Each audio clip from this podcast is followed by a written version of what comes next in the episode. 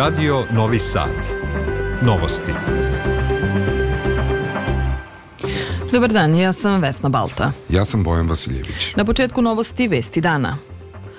Nastavak dijaloga Beograda i Prištine 27. februara u Briselu.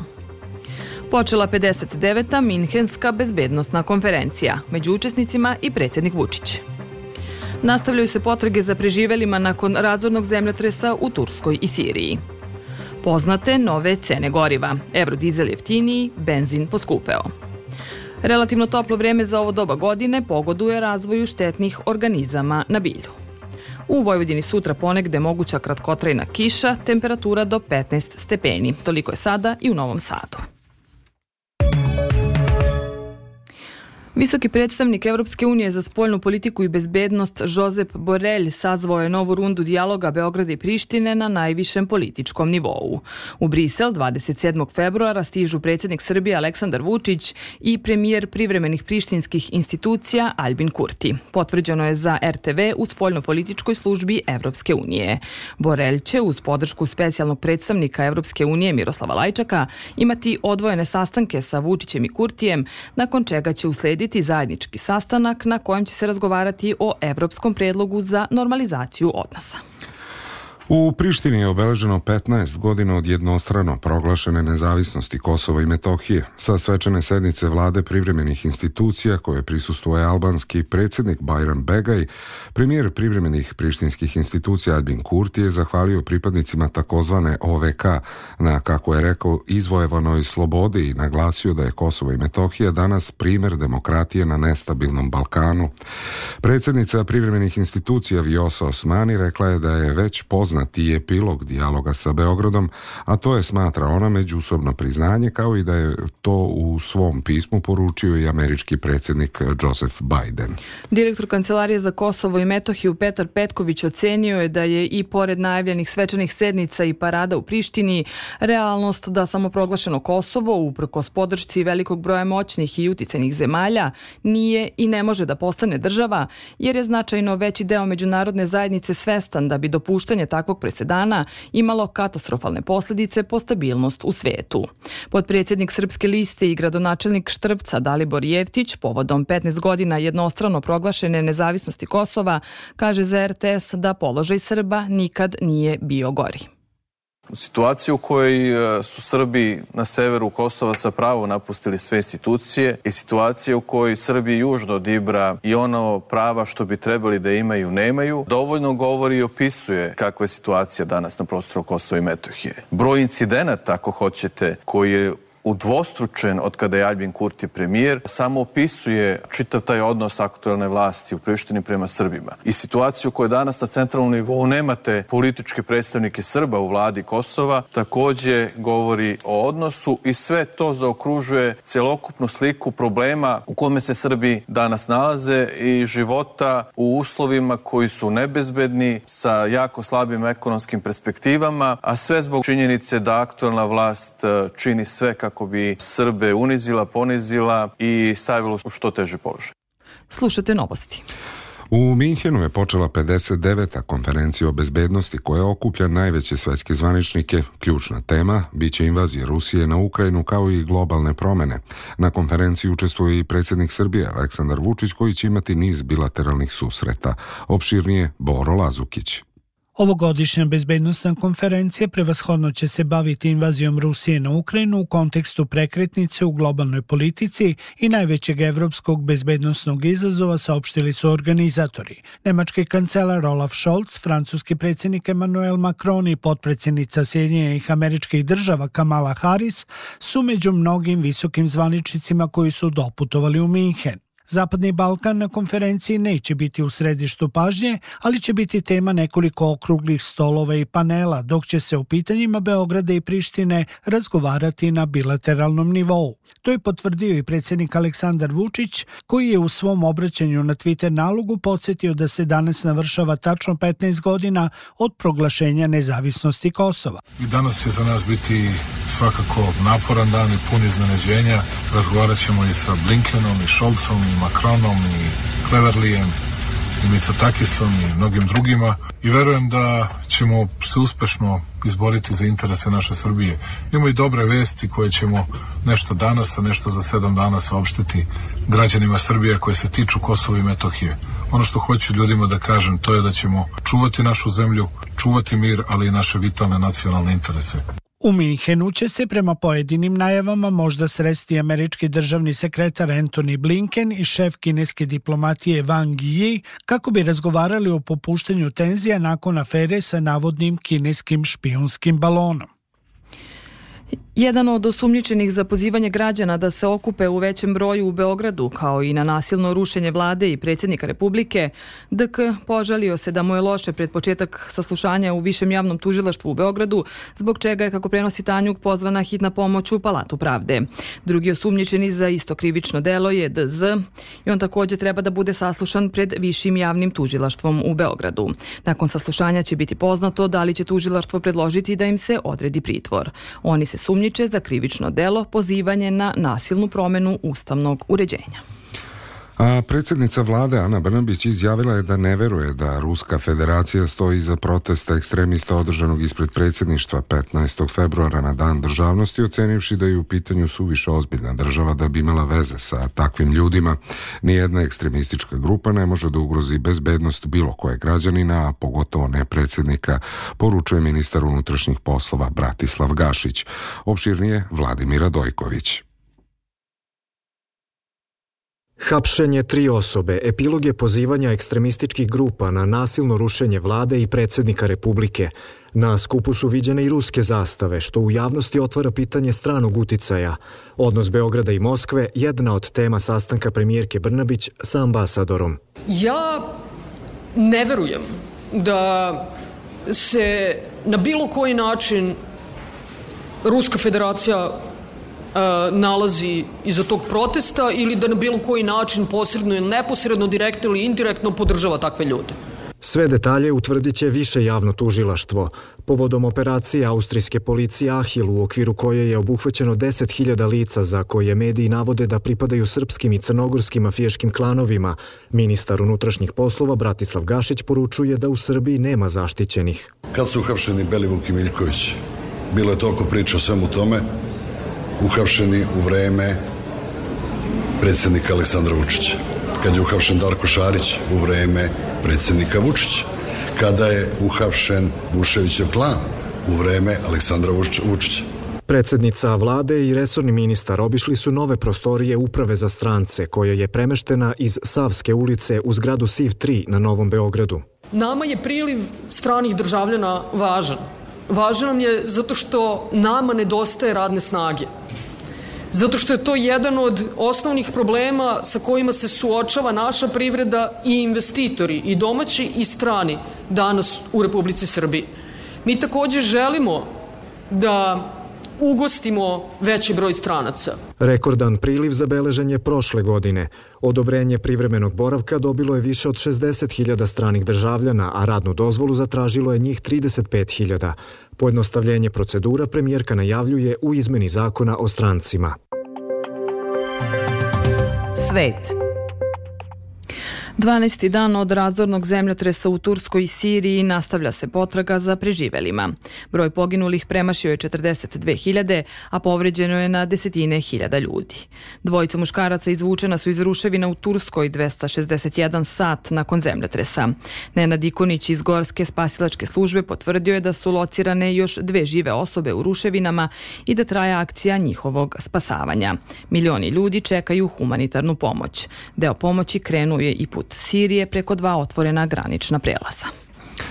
Specijalistički timovi za spasavanje iz ruševina sektora za vanredne situacije MUPA Srbije završili su svoje aktivnosti spasavanja nakon razornog zemljotresa u Turskoj i vratili su se u Srbiju, a u Palati Srbija u toku je organizovan svečani doček.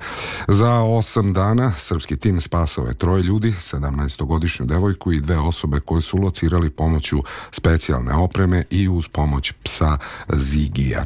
Supruga predsjednika Srbije Tamara Vučić uručila je u Sirijskoj ambasadi u Beogradu pomoć u odeći narodu Sirije pogođenom katastrofalnim zemljotresom.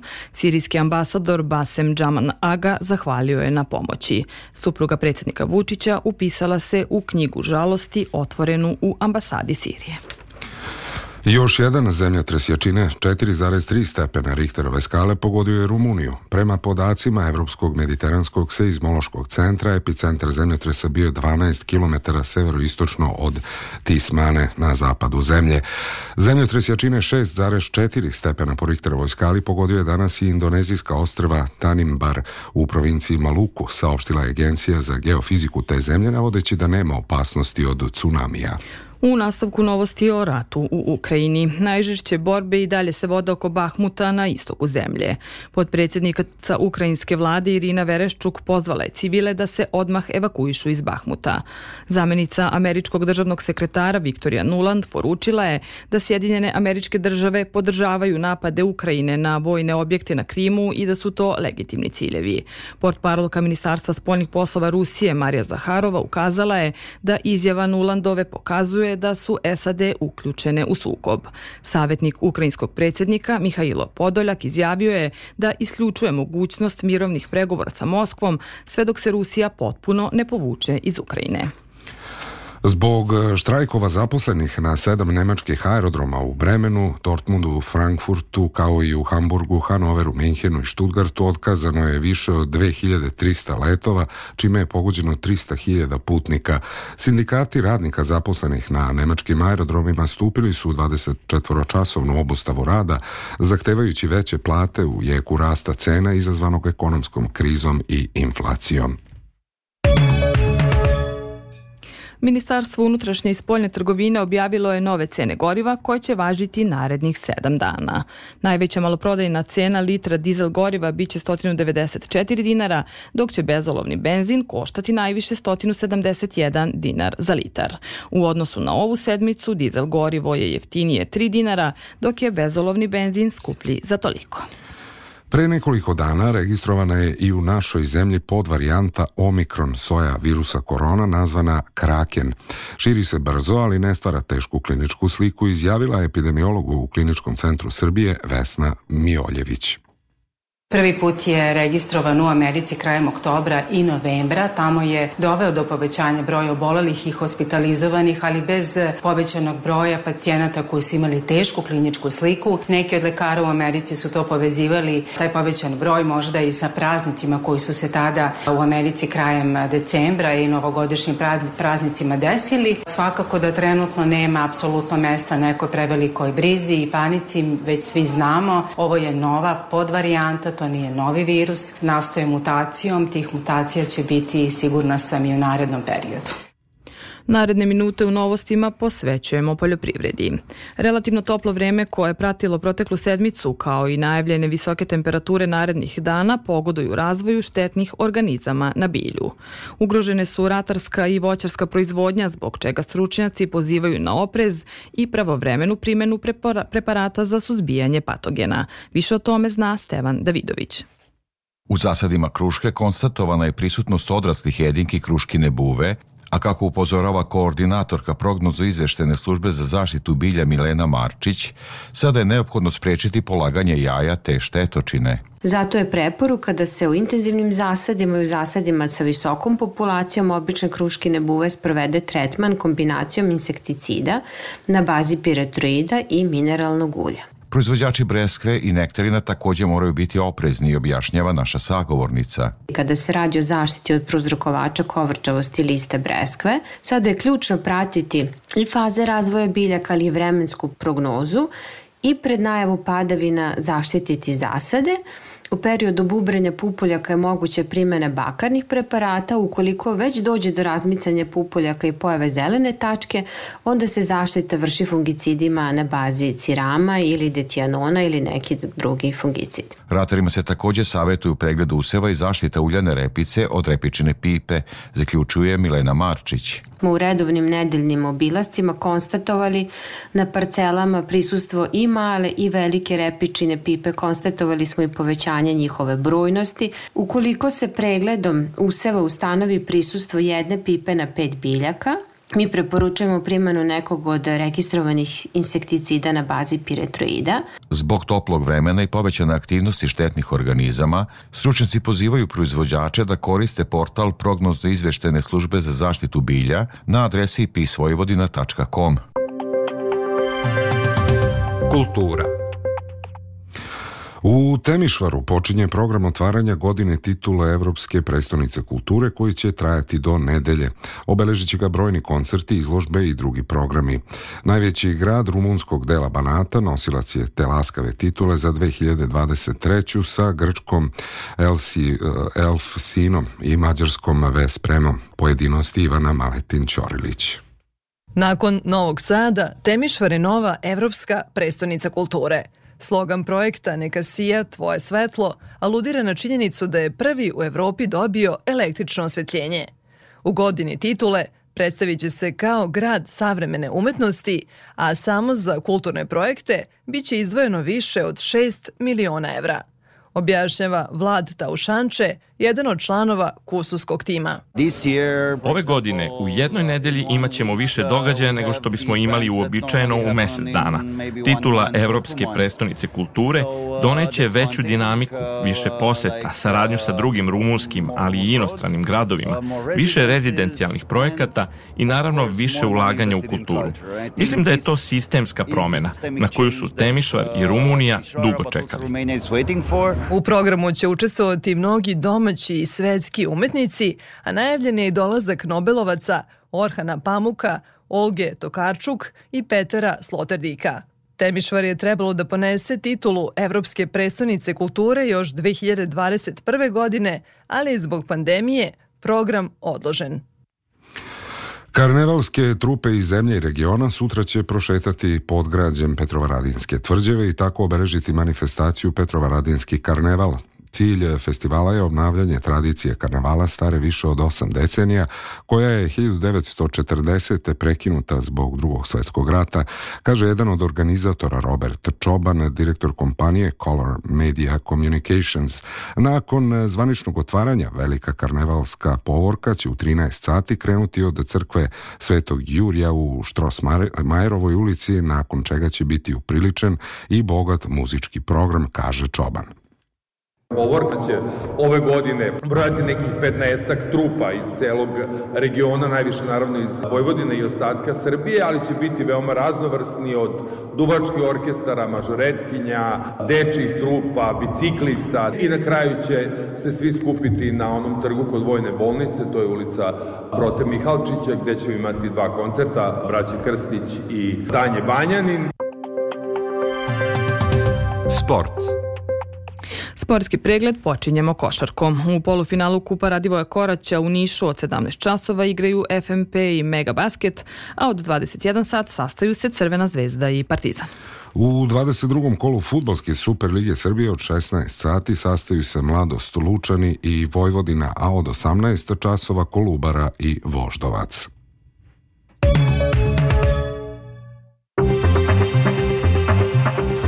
Pred kraj novosti još jednom vesti dana. Nastavak dijaloga Beograda i Prištine 27. februara u Briselu.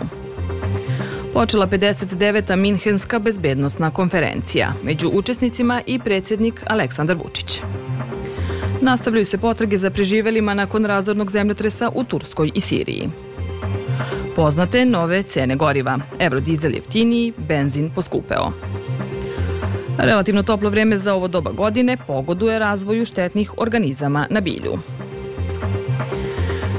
U većem delu Vojvodine sada je pretežno vedro, najtoplije je u Sremskoj Mitrovici gde je 16 stepeni, stepen manje je u Somboru, Novom Sadu, Zrenjaninu i Kikindi. Na Paliću je trenutno izbereno 14 stepeni. Slušamo prognozu vremena za naredne dane.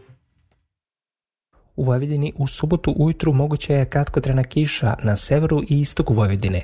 Oblačnost brzo odlazi na istok i tokom dana svugde suvo u sunčane intervale i umereno oblačnost. U nedelju takođe toplo za odoba godine sa sunčanim periodima i malo oblaka. Krajem dana na oblačenje sa kišom zahvata sever Vojvodine i u noći ka ponedeljku se premešta na ostale krajeve. U ponedeljak nešto hladnije sa prolaznom kišom koja se brzo premešta ka jugu Srbije dok na severu zemlje nastupa delimično razvedravanje. U utorak toplije sa dužim sunčanim periodima. Za Radio Novi Sad Stanko Sparavalo Meteos. Slušali ste novosti prvog programa radija Radio Televizije Vojvodine. Tonska realizacija Boris Đuranin, producentkinja Branislava Stefanović, pred mikrofonom bili Vesna Balta i Bojan Vasiljević. Ostanite uz naš program, želimo vam prijetno popodne.